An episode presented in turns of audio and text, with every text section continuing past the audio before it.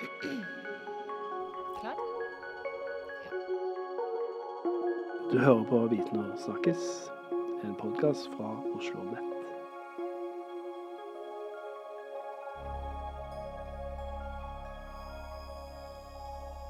When the COVID 19 pandemic struck in early 2020, researchers who had specialized in a different pandemic quickly learned that their expertise was in high demand. Oslo Met is home to one such expert. Sven Erik Mamelund is a demographer by training and an expert in the 1918 influenza pandemic. If you were living in Norway over the past two and a half years, you almost certainly came across Svenn-Erik Mamelund recently invited two world renowned pandemic experts to deliver public lectures at the Center for Advanced Study in Oslo, where Mamelund and his team are currently conducting research. Like Mamelund, our guests on today's podcast have spent most of their careers studying the 1918 pandemic, but have adapted and applied their knowledge of the 20th century's deadliest pandemic to the first great pandemic of the 21st century. My name is Jeff Lugau, and I will be uh, your moderator for today's discussion. Jeff, John, welcome to the studio. Thank you. Pleased to be here. Thank you. Uh, Jeff, I'm going to ask you to uh, introduce yourself first in a little more detail than I just did. Can you tell us um, where you work uh, and what your field of specialty is? I'm Jeff Taubenberger, and I am at the uh, U.S. National Institutes of Health outside of Washington, D.C., and I specialize in uh, pandemic uh, viral infections like 1918 flu, other influenza pandemics. Uh, for the last three years, uh, full time COVID 19 uh, researcher. My laboratory group uh, studies how viruses adapt to humans, how they cause disease, um, and how we can develop uh, new therapeutics and uh, new treatments. Uh, and so, from very basic research, uh, very basic molecular biology, up through very active clinical research programs. Great. Well, welcome again. Thank Glad you. to have you here. John, I'm going to ask you to tell us a little bit more about your background and where you work. Yeah, well, I'm a virologist, so um, um, so I'm, I'm interested in the virus as such. Uh, I suppose I came, I stumbled into 1918 research uh, by accident, actually, because a colleague of mine was looking for kind of strangely looking for samples from 1918. And, and same as Jeff, we didn't realise he was looking for anything. We thought we were the only people in the world, so I don't suppose we were hurrying along. And we realised that the hospital had collected lungs and tissues from people who died in 1918 of the Spanish flu. Plenty of people were dying, right? And in the hospital, in those days, if you came into the hospital, that's the Royal London, uh, you you didn't have to sign a, a thing saying you, we can do this, we can do it if I die. When they died in the hospital, and a number of them did, you, you automatically did a post mortem on them. So for every person of any age dying in the London hospital during 1918, before and afterwards, um, the, a sample of lung was taken, a sample of kidney, spleen, and brain. Uh, and those are all safely stored away, safe, really safely stored away. And we realised we could go back to them, find them, get the um, piece of tissue, and using the technology that Jeff is ex- really experienced in, um, you can um, amplify up and retain, re- retrieve a genetic piece of, of you can re- retrieve a piece of gene, if you like, put it that way, um, which gives you a signature of the virus that killed that person. So you know you've got a first time you can get your fingers on um, that virus, and people in the states, not our, because we didn't have a high category laboratory, uh, have taken that sort of genetic information and reconstructed the virus so they can actually handle it. So that's exciting stuff for a virologist. Sure. No, it certainly sounds like it. Um, I wonder if um, if I could ask both of you to share with us um, what what sort of lessons turned out to be applicable related to the pandemic that both of you specialized in, the 1918 inf- uh, flu pandemic, uh, uh, compared with the the pandemic that we're still living through globally, the COVID-19 pandemic. I think personally, I think the, the main thing that we, uh, hit me was the hygiene. I know it's um, up to recently hygiene's been considered a low category interest. Wash your hands and disinfect it and all bit of deterrent. But the importance of it, I cannot be overemphasized. It really can't. Um, and now it's right at the centre of things. In 1918, that there was at the centre of things there, and I, I've taken a particular interest in the British Army uh, on the Western Front, where they had big outbreaks in earlier than 1918 and during 1918. Hygiene, hand washing, social distancing um, were the things that they knew worked for other diseases. The British Army was um, worried, immensely worried, when that war started, the First World War, that the re- they'd have a repetition of the Crimean War or a repetition of the Boer War. That is, for every soldier dead with a bullet, 15 of them will be dead of some infection. So I can't, I can't emphasize how much effort the, the biggest brains and the biggest expertise in medical and scientific um, in the country, and British Britain, remember, was a superpower in that time, was thrown into this combating this infection. As a, it was a huge threat to the army, it was a huge threat to everyone. But hygiene was right at the center of it. You couldn't get more central than that. So clinically, I am a molecular genetic pathologist, okay. um, but uh, my research uh, works on the molecular biology of uh, respiratory viruses like influenza and coronaviruses, questions of how these viruses adapt from uh, animal species to humans, why some of them are so pathogenic, uh, and what is the mechanism of uh, how these viruses cause severe d- disease and death, and then what can we learn from that, and what can we do to develop new therapeutics and vaccines. So I'd, I'd, be interested in hearing from both of you, maybe from you first, Jeff, but really both of you weigh in, please. Um, were you at the at the um, in the initial stages of the COVID nineteen pandemic? Were you surprised? Uh, were you impressed? Were you maybe horrified by the extent to which lessons from the 1918 influenza pandemic were, were actually being applied by public health officials, by policymakers? Um, how did you? How would you grade the response that you saw, both in the countries that you live in, the UK and the US, but I mean globally more generally? You know, that, that's a very good question, a very difficult question. Um, I think that uh, an important lesson is to realize that uh, when a novel virus comes into humans, it begins to circulate. So a pandemic is is, is sort of defined simply mm. as a, as a novel virus that's in humans for which no one or very few people would have pre-existing immunity. So there's really nothing to sort of limit the spread of that virus. And wherever it emerges in the world, it rapidly spread. Now, that happened in 1918. It's happened in other pandemics since then, flu pandemics in 1957, 68, 2009 we had a near pandemic of uh, SARS uh, 1 coronavirus in 2002 th- through 4. Um, and we've had another scare of a, uh, another coronavirus getting to humans with MERS. Uh, but the, you know, this SARS-CoV-2, uh, like most pandemics, emerges suddenly without really warning. There's no way to predict a pandemic. We're just responding to it, and it's very humbling because you know, 100 years of intensive virology study and surveillance and molecular biology and all the things we do, we realize that we still have no ability to predict when a pandemic will occur, where it will occur, how pathogenic it will be, you know, how virulent it will be. So these are difficult things. I, I think that, um, you know, as, as John was saying, the first response are these non-pharmaceutical interventions. It's a novel virus. We didn't have a vaccine. We didn't know if any antivirals that pre-existed would work effectively. There, you know, so there, we weren't in a, in a sense in, in 2019, 2020. We weren't in a in any advanced state over what happened in 1918.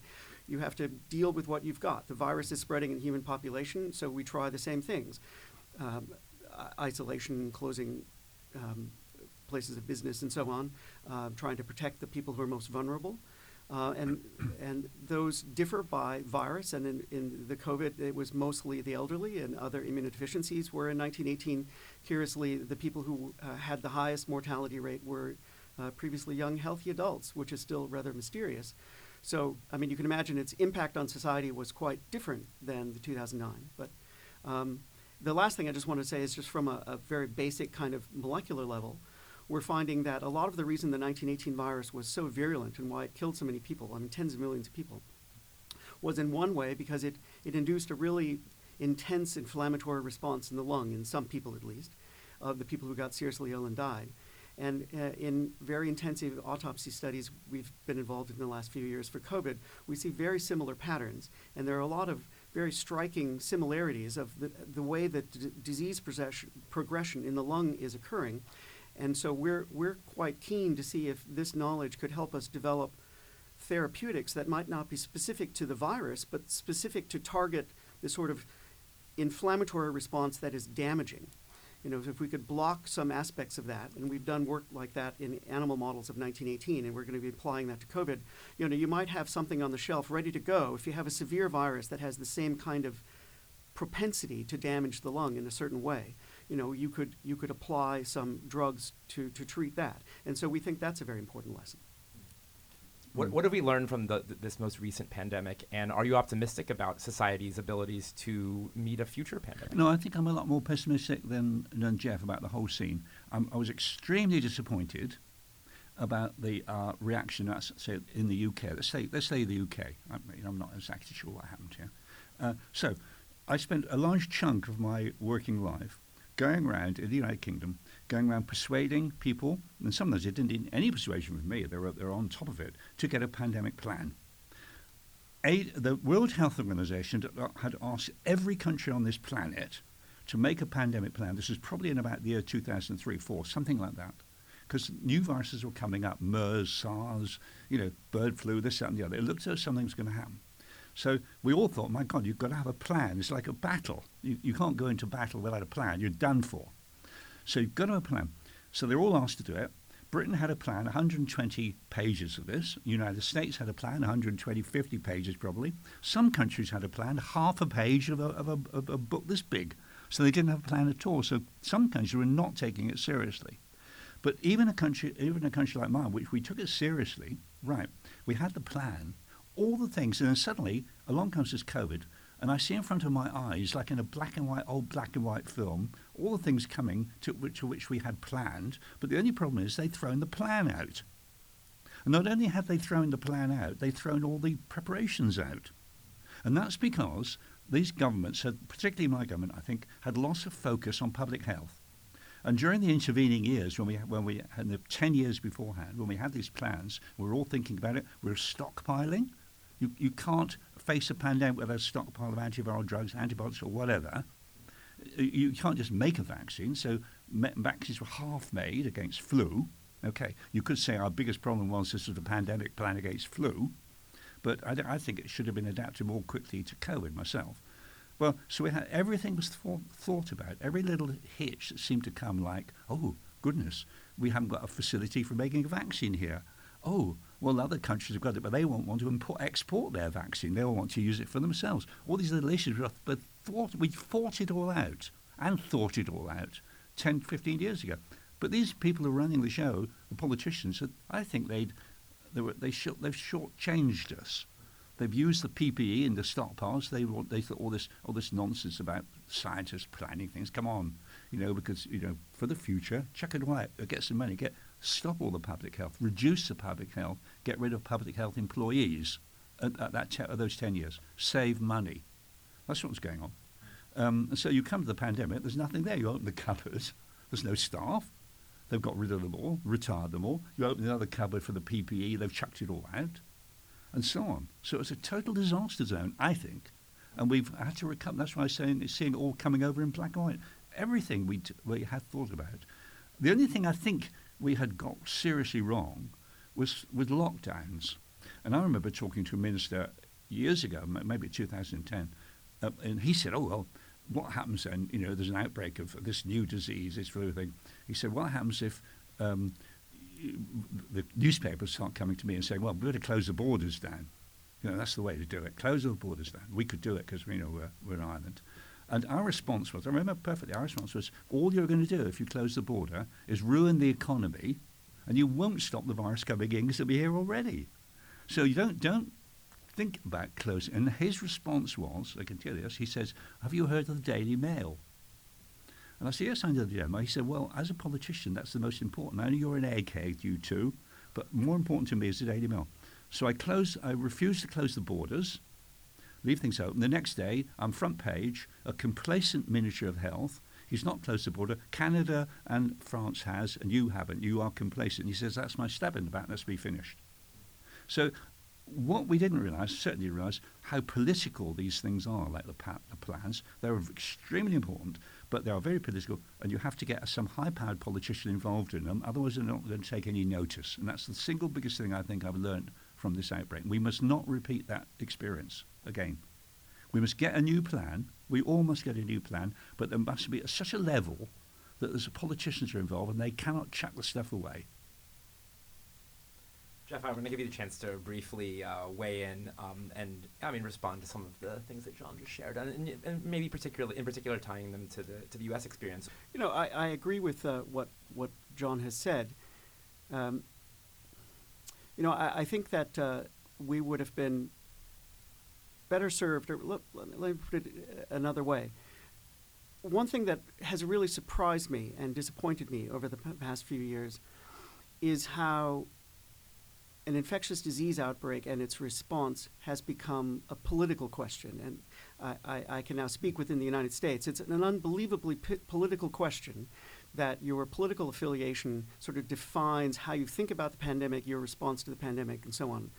And that really shocked me because you know uh, it's totally fine in a democracy for people to have different political views about complicated problems. That's you know that's fine. That's what we expect. Good debate, and so on.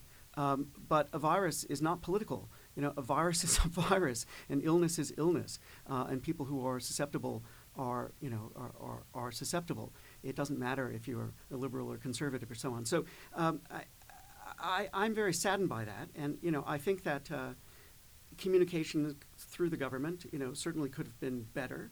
I think that we would have been better off.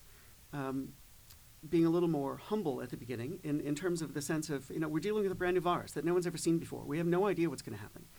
And, you know, people ask me that question all the time, you know, so starting in March 2020, what's going to happen? And I'll tell you, I don't know. But we're all going to find out together. That's what's going to happen.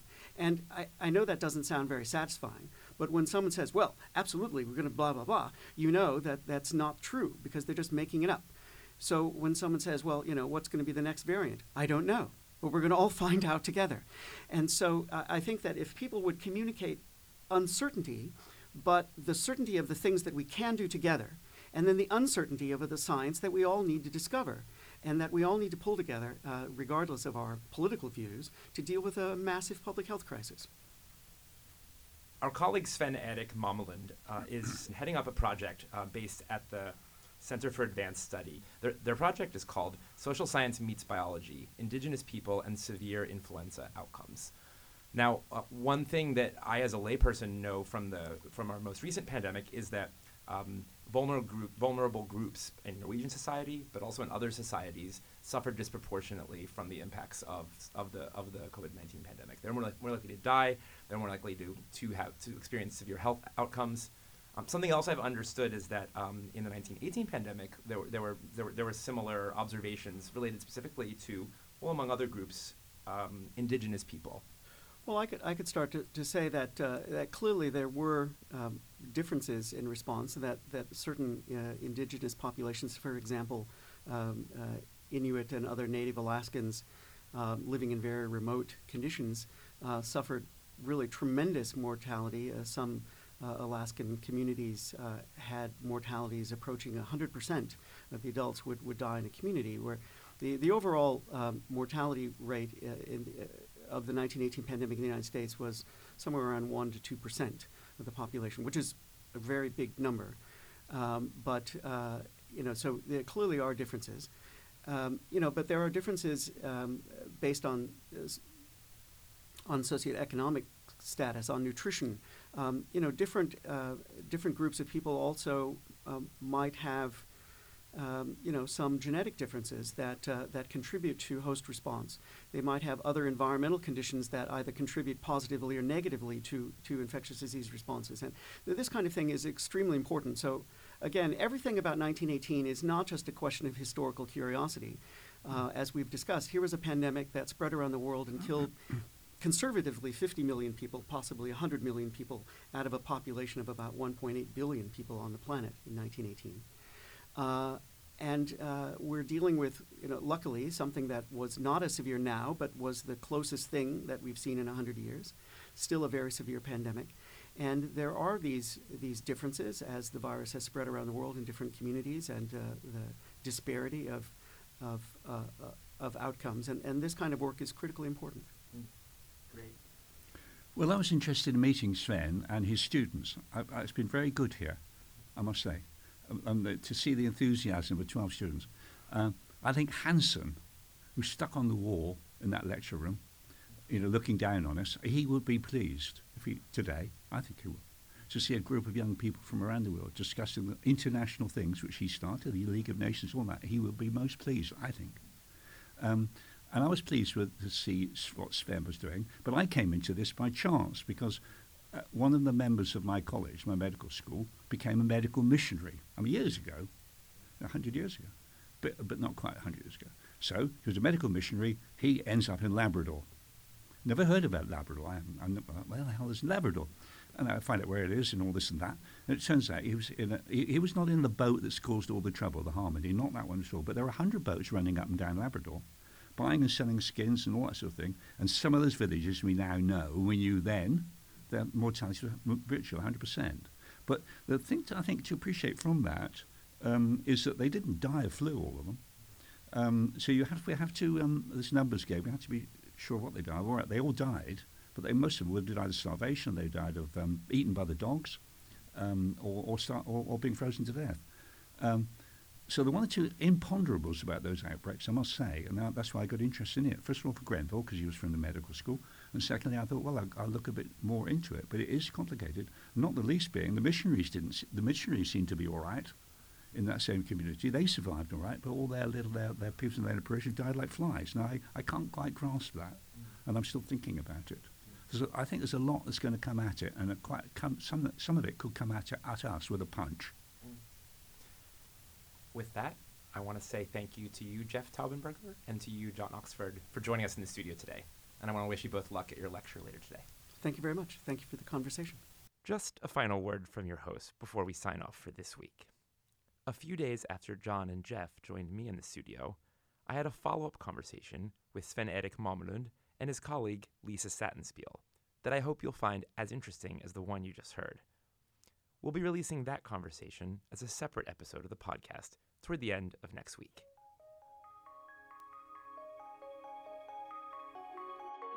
Mm-hmm.